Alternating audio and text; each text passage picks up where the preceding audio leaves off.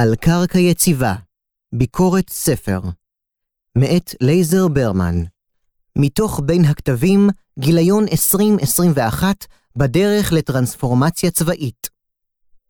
Margin of Victory, Five Battles That Changed the Face of Modern War, by Douglas A. McGregor, Naval Institute Press, 2016. ציטוט האסטרטג המנצח שואף למלחמה רק לאחר שהניצחון בידיו, כתב האסטרטג הסיני סון צו. 2,600 שנים לאחר מכן, בצידו השני של העולם, אמר שחקן ההוקי האגדי ויין גרצקי כי שחקן הוקי טוב משחק במקום שהדיסקית נמצאת. שחקן הוקי טוב באמת משחק במקום שבו הדיסקית עומדת להיות. אף שציטוטים אלה נאמרו בהקשרים שונים לחלוטין, שניהם ממחישים את אותה הנקודה. בכל תחרות באשר היא, בעולם הספורט, בעולם העסקים או בצבא, אמן אמיתי הוא זה שמשכיל לחזות את הנדרש לצורך הצלחה עתידית ומתכונן למלחמה לפני שהיא מתחילה. עם אתגר זה התמודדו מנהיגים צבאיים מאז נשא לראשונה אדם לאדם חרב. המפקדים הבכירים בצבאות המערביים המתקדמים ביותר כיום, בהם הכוחות המזוינים של ארצות הברית וצה"ל, מתקשים לחזות את אופי העימותים העתידיים הצפויים להם, ולהשתנות באופן שיספק להם את היתרון הגדול ביותר על פני יריביהם הפוטנציאליים. נושא זה הוא מהבוערים שבמעגלי השיח הצבאי. כולם מבינים את חשיבות הלמידה והחדשנות כדי להתכונן למלחמה הבאה. השאלה היא, מהו המקור לחדשנות הצבאית? כיצד מעודדים אותה? האם חדשנות היא עניין כלכלי, טכנולוגי או ארגוני? לאחר שהוחלט לעודד חדשנות באפיק כלשהו, המנהיגים הצבאיים נדרשים להתמודד עם פרדוקס מתמיד.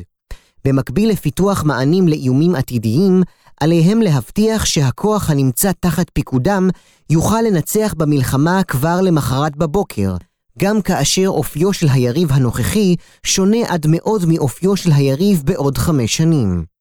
בספרו "שוליים לניצחון, חמישה קרבות ששינו את פני המלחמה המודרנית", עוסק התיאורטיקן הצבאי האמריקאי, קולונל בדימוס דוקטור דגלס מקרגור, בשאלות מהותיות אלו. מקרגור התפרסם בצבא היבשה האמריקאי בעקבות התפקיד המרכזי שמילא בקרב קו האורך 73 במלחמת המפרץ בשנת 1991. בספרו "לשבור את הפלנקס", שיצא לאור בשנת 1995, קרא מקרגור להחלפת דיוויזיות צבא היבשה האמריקאי ביחידות משולבות קטנות יותר, הניתנות לפריסה בדרך האוויר. בכך הוא מיצב את עצמו כאחד הקולות הבולטים בצבא, הקוראים לעריכת טרנספורמציה צבאית. יש מי שראו בו חדשן אמיתי, בשל חזונו האמיץ וקריאתו מלאת הלהט, בעוד שאחרים ראו בו גורם קיצוני ומתיש, וניסו להציבו בתפקידי מטה חסרי משמעות. שוליים לניצחון בוחן חמישה קרבות מפתח יבשתיים שניטשו במהלך המאה ה-20. קרב מונס משנת 1914, קרב שנגחאי משנת 1937, השמדת קבוצת ארמיות מרכז הגרמנית משנת 1944, התקפת הנגד הישראלית בתעלת סואץ משנת 1973, מערכת קו האורך 73 משנת 1991.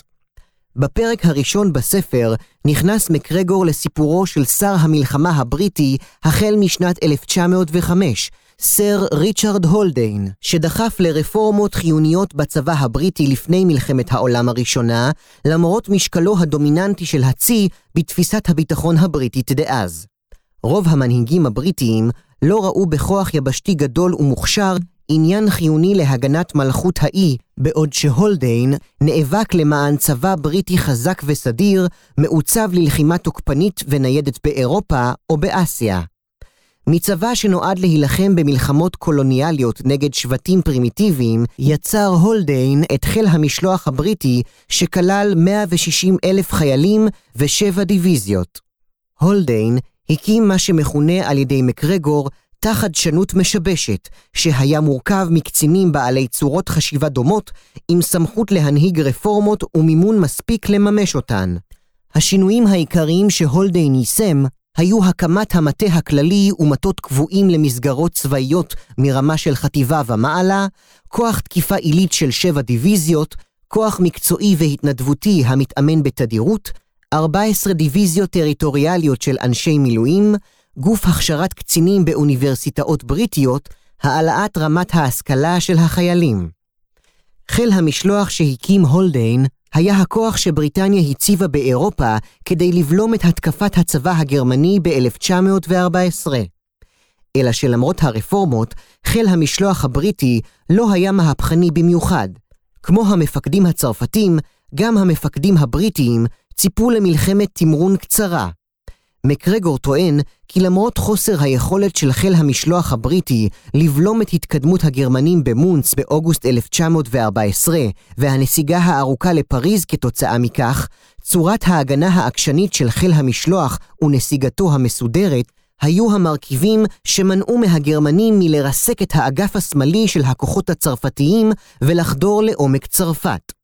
עוד טוען מקרגור, כי גם אם עברו עוד שנים עד שהבריטים הצליחו לגייס ולגבש צבא שהיה מסוגל לתקוף את הגרמנים בחזרה, הולדיין העניק לחיל המשלוח הבריטי את השוליים שסיפקו את היכולת לשרוד, ובסופו של דבר להשתתף באורח משמעותי בניצחון של בעלות הברית באירופה.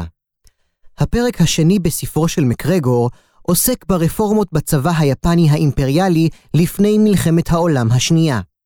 אלוף אוגקי קזושיגה, שכיהן כשר המלחמה היפני בשנים 1924 עד 1927 ו-1929 עד 1931, הוביל את הרפורמות.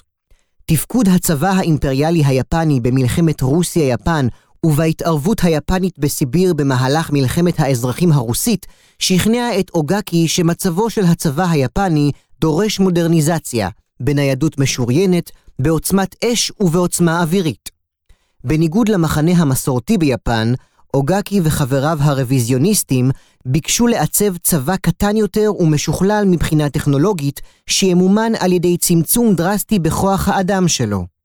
הרפורמות העיקריות שביקש אוגקי להנהיג היו הקטנת תקציבי הצבא על ידי צמצום בכוח אדם, פרישה כפויה של גנרלים שהתנגדו לחזונו, שינוי מבנה הכוח לדיוויזיות משולשות ושיפור האמל"ח של הצבא. למרות מאמציו של אוגקי, הגורמים המסורתיים הצליחו לבלום את הרפורמות שלו במשך שנים ארוכות, וכשהגיע קרב שנגחאי ב-1937, כבר חלפה ההזדמנות ליישם את רובן. בסוף, למרות הניצחון שהשיג הצבא היפני בשנגחאי, עלויות הקרב היו גבוהות מדי. התבוסה היפנית הסופית ב-1945 הינה בחלקה תוצאה של חוסר היכולת של הצבא היפני האימפריאלי ליישם את הרפורמות בדרך שתקנה לו את הניצחון. הפרק השלישי בספרו של מקרגור עוסק בהשמדת קבוצת ארמיות מרכז הגרמנית על ידי הסובייטים ב-1944. במסגרת זו מפרט מקרגור את הטרנספורמציות שעברו שני הצבאות. לטענתו, הצבא הגרמני היה בנוי למלחמות קצרות וניידות, ולא למלחמות מתמשכות שנמתחו למרחקים עצומים, כפי שהייתה החזית המזרחית במלחמת העולם השנייה. מקרגור סבור שההצלחות המוקדמות של הוורמאכט הושגו עקב טרנספורמציה חלקית שלו, וכתוצאה ממנה רוב הצבא הגרמני היה תלוי בסוסים. הייתה זו חולשת היריב יחד עם המיומנות של הוורמאכט שאפשרו את כיבוש אירופה על ידי היטלר. בד בבד, הסובייטים אימצו דוקטרינה של מבצעים בעומק ותקיפות מעבר להגנות הקדמיות ולתוך עורף האויב. בנוסף, הסובייטים נהנו מאחידות הפיקוד ומהיכולת לרכז כוחות בזמן ובמרחב. מקרגור מייחס את הניצחון הסובייטי הסופי לטרנספורמציה זו. ציטוט מבנה הפיקוד של הסובייטים, ארגונם ללחימה ותפיסתם להפעלת כוח צבאי בצורת תקיפה, ארטילריה, טילים ועוצמה אווירית, בשילוב כוחות זריזי תמרון מבצעי, יצרו שולי ניצחון ששינו את מהלך ההיסטוריה האירופית והעולמית. בנקודה זו מתחיל הניתוח של מקרגור להיפרם. באותו פרק הוא מודה שלא הכוחות המזוינים הסובייטיים, אלא המרחקים העצומים ומזג האוויר הקיצוני, הם שהצילו את ברית המועצות ב-1941. הוא גם מציין שאמצעי השיטור וההפחדה הפנימית שאכף המשטר אפשרו לו להכפיף את כל המשק והאוכלוסייה הסובייטיים למאמץ המלחמתי, הן בתעשייה והן בקרבות עצמם. יתרה מזו, הפלישה של בעלות הברית לנורמנדי ב-1944 משכה לדבריו את הדיוויזיות הגרמניות חזרה מהחזית המזרחית, וצעד זה העניק יתרון כמותי משמעותי לסובייטים. בצד הגרמני מצביע מקרגור על היעדר מטרה מבצעית החלטית, או יעד אסטרטגי בר השגה כגורם להפסד של שולי הניצחון. נוכח כל הגורמים האלה, קשה לבחון את יעילות הטרנספורמציות הצבאיות שבהן עוסק מקרגור, ואת חשיבות התפקיד שמילאו בתוצאות הסופיות של הלחימה. מקרה הבוחן הבא הוא המערכה הישראלית בסיני נגד מצרים ב-1973. מקרגור מספר על ההכנות של סאדאת לכיבוש סיני בהתקפה מוגבלת ועל התפתחות צה"ל ממיליציות טרם הקמת המדינה ועד למצבו ערב מלחמת יום הכיפורים. המסר של מקרגור הוא מעין סימן שאלה.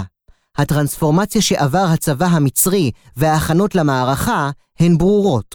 מצד שני, השינויים שעבר צה"ל לפני המלחמה הגבילו את יכולתו להגיב באופן אקטיבי בימיה הראשונים.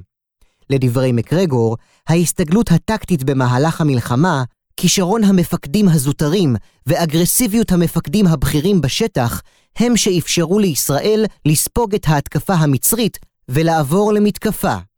לדעת מקרגור, שולי הניצחון הישראלי במלחמת יום הכיפורים אינם פועל יוצא של הטרנספורמציה של כוחות היבשה, אלא תוצאה של גורמים תרבותיים וארגוניים. לאחר הטיפול במלחמת יום הכיפורים, עובר מקרגור לדון בהתפתחויות שהתרחשו מאז בצבאות ישראל ומצרים, ובאיומים עתידיים עמם הם עלולים להתמודד. מעניין ככל שיהיה, דיון זה הינו תאורטי בלבד, ואינו מקדם את נימוקיו של מקרגור. מקרה הבוחן האחרון בו עוסק ספרו של מקרגור, הוא קרב קו האורך 73 במבצע סופה במדבר, קרב שבו הוא השתתף באופן אישי. מקרגור מפרט את נקודות התורפה של הצבא העיראקי, למרות גודלו והניסיון שרכש במלחמת איראן-עיראק הקטלנית. לדעתו, מלבד משמר הרפובליקה, הכוחות העיראקיים היו דלי הכשרה, חסרי מוטיבציה, ומצוידים בציוד נחות בלבד. לעומתם, צבא ארצות הברית עבר תוכנית מודרניזציה אינטנסיבית אחרי טראומת וייטנאם, שהייתה מבוססת באופן חלקי על לקחי מלחמת יום הכיפורים. פלטפורמות חדשות שלו כללו את הטנק אייברמס M1A1, נגמ"ש ברדלי, את מסוק אפאצ'י, את משגר הרקטות MLRS, וכן מערכת פיקוח וניהול קרב J-Stars. לדברי מקרגור, צבא ארצות הברית ב-1991 היה מכונה שרירית ומשומנת היטב, עם מפקדים זוטרים מאומנים כהלכה. קרב קו האורך 73 היה חלק מהמערכה היבשתית שנמשכה מאה שעות. במהלכה השמידו אלמנטים קדמיים של כוחות משוריינים של הגיס השביעי, חטיבה של משמר הרפובליקה, תוך שהם מאבדים נגמ"ש ברדלי אחד, חייל הרוג אחד ושישה פצועים. הקרב היה ניצחון טקטי מוחלט לכוחות הצבא האמריקאי התוקפים. סיום מבצע סופה במדבר שכנע את ארצות הברית ובעלות בריתה המערביות באפקטיביות המהפכה הטכנולוגית שאפשרה את הפגנת העליונות הצבאית בעיראק. יחד עם זאת, חלק מהמסקנות שהופקו מהמבצע, למשל על האפשרות להשיג ניצחון ללא חללים תוך התבססות על טכנולוגיה ואש, הובילו לשגיאות שהיה ניתן להימנע מהן, שהוכרו רק בשנים האחרונות. ואף על פי כן, הסקירה של מקרגור ממחישה את חשיבות הטרנספורמציה בצבא ארצות הברית כיום, כדי שיהיה מוכן למלחמות הקונבנציונליות הבאות נגד יריבים שווי עוצמה. אף שניתוחם הכולל של הקרבות אינו תומך בהכרח במסקנותיו של מקרגור בעניין החדשנות הצבאית, ולמרות שתמיד קל יותר להעריך במבט לאחור רפורמות צבאיות שהצליחו או שנכשלו, מניתוח הקרבות עולות כמה מסקנות מפתח הנוגעות לשאלת החדשנות. צבאות בעלי יכולת צבאית משמעותית, כמו הבריטים לפני מלחמת העולם הראשונה והיפנים טרם מלחמת העולם השנייה, ממעיטים בחשיבותם של כוחות יבשה מאומנים ומצוידים היטב, הפועלים על פי דוקטרינה רלוונטית. כבודן של הטכנולוגיה והטקטיקה במקומו מונח, אך חדשנות באומנות המערכה יכולה להאפיל על החסרונות בתחומים אלה, כפי שהוכיחו הסובייטים בצעידתם הבלתי מתפשרת לברלין. לתרבות שממנה צומחים הלוחמים והמפקדים, יש השפעה עצומה על יכולתם של צבאות לחדש ולאלתר. לטענת מקרגור, ארצות הברית תיאלץ לעמוד בעתיד בפני עימותים בעצימות גבוהה עם יריבים בעלי יכולת מניעת גישה שטח משמעותיות באירו-אסיה. תקיפות אוויריות וטילים למיניהם לא יספיקו כדי לנצח במלחמות הבאות, שבהן ארצות הברית אינה יכולה לאפשר לעצמה להפסיד. ציטוט: תמרון יבשתי עדיין נדרש כדי לנצל את השיתוק הזמני אך המשמעותי שמספקות התקיפות המדויקות. מקרגור רואה את החי"ר הקל כנישה בלבד, בעוד שכוחות החי"ר המצוידים בפלטפורמות משוריינות הם אלה שנדרשים כדי לספק את כוח האש ואת השרידות להדביק את האויב, לספוג את האבדות, להמשיך להילחם ולתקוף בהחלטיות במלחמות של המאה ה-21. ממסד הצבא האמריקאי הגיע למסקנות דומות באשר לאתגריו העתידיים, והחל להסיט מהר מאוד את התמקדותו מהמאמצים נוגדי ההתקוממות שעמדו במרכז עיסוקם של הוגיו מאז שנת 2001. כיום הוא מכין את כוחותיו להילחם נגד רוסיה במזרח אירופה, או נגד סין במזרח הרחוק. תפיסת הקרב הרב-מימדי המתפתחת בארצות הברית היא ניסיון להביא לידי ביטוי את יתרונותיה במלחמתה נגד יריבים שווי עוצמה בשדה קרב קטלני ורווי איומים. גם האסטרטגים הצבאיים, המיישמים את התפיסה מתוך רצון לאפשר תמרון יבשתי, מגיעים לאותה המסקנה. נדרשות יחידות מבוזרות ועצמאיות המחזיקות ביכולות מודיעין מהלומה משלהן. חוקרי מרכז דדו, שמואל שמואל ולייזר ברמן, רמזו במאמרם "הקרב הרב-מימדי מבעד לעדשה", שפורסם בגיליון 16-17 של בין הכתבים, כי כוחות היבשה והמטה הכללי מנסים לדחוס את כלל האתגרים העתידיים הצפויים לצה"ל תחת מטריית תפיסת הקרב הרב-מימדי, ובכלל זה אפילו את התחום האפור של לוחמה שאינה קינטית. שימוש מוקצן זה בתפיסת הקרב הרב-מימדי רוקן אותה ממשמעותה ומחשיבותה הפוטנציאלית.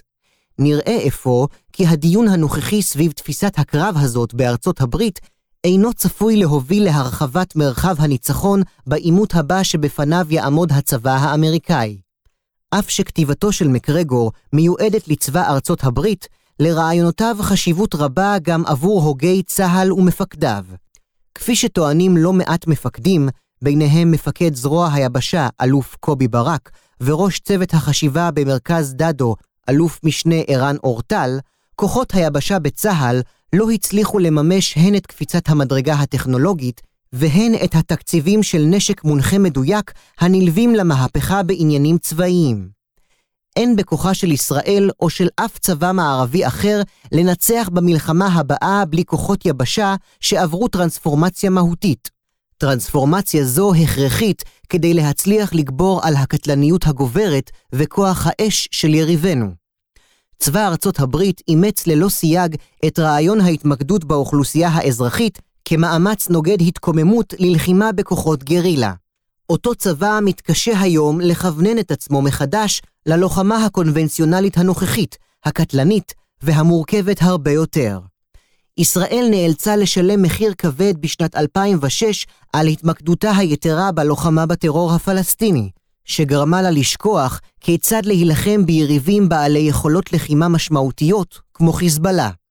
על צה"ל לוודא שיוכל לעמוד בלחימה מתמשכת מכל הבחינות, אימונים, לוגיסטיקה, תורת לחימה וציפיות, לחימה שתגבה מחיר משמעותי ונפגעים רבים הן בחזית והן בעורף הישראלי.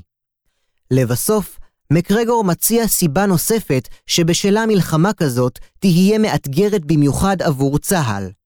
ציטוט: המלחמה לבדה מאשררת את האמת הנצחית שכדי שכוח יפעל ביעילות בשדה הקרב, עליו להיות מלוכד, מלא רוח קרב, ולהתנהל באופן שאינו דמוקרטי במוצהר. הצבאות המערביים בפרט חייבים להבדיל את עצמם באופן מובהק מהאוכלוסיות האינדיבידואליסטיות, האולטרה-דמוקרטיות והחומריות שעליהן הם מגינים. צה"ל מושפע מאוד מהנורמות של האוכלוסייה הישראלית הפתוחה והדמוקרטית. כמובן שלא ניתן לנטרל לחלוטין השפעות אלו בשל גיוס החובה בישראל והתפקיד המשמעותי שממלאים כוחות המילואים בצה"ל. אך בהחלט יש מקום לשקול האם נורמות ישראליות רבות המגיעות מהעולם האזרחי ומושפעות ממנו, כמו יציאות תדירות לסופי שבוע בבית, שיחות טלפוניות בין הורי החיילים למפקדיהם, מבני היחידות המאורגנות כסטארט-אפים והמשמעת הצהלית הלוקה בחסר, פוגעות באופי וביכולת הלחימה הצהלית והופכות את חיילינו למוכנים פחות למלחמה ביריב קטלני כמו חיזבאללה. ציטוט אתה יוצא למלחמה עם הצבא שיש לך, לא עם הצבא שהיית רוצה שיהיה לך, או הצבא שיהיה לך בעתיד, אמר דונלד רמספלד, שר ההגנה האמריקאי לשעבר. וזו האמת. תפקידם של האסטרטגים בצה"ל הוא לוודא שכאשר ישראל תצא למלחמה הבאה, הצבא שיהיה לנו יהיה הקרוב והדומה ביותר לצבא שלו אנו זקוקים.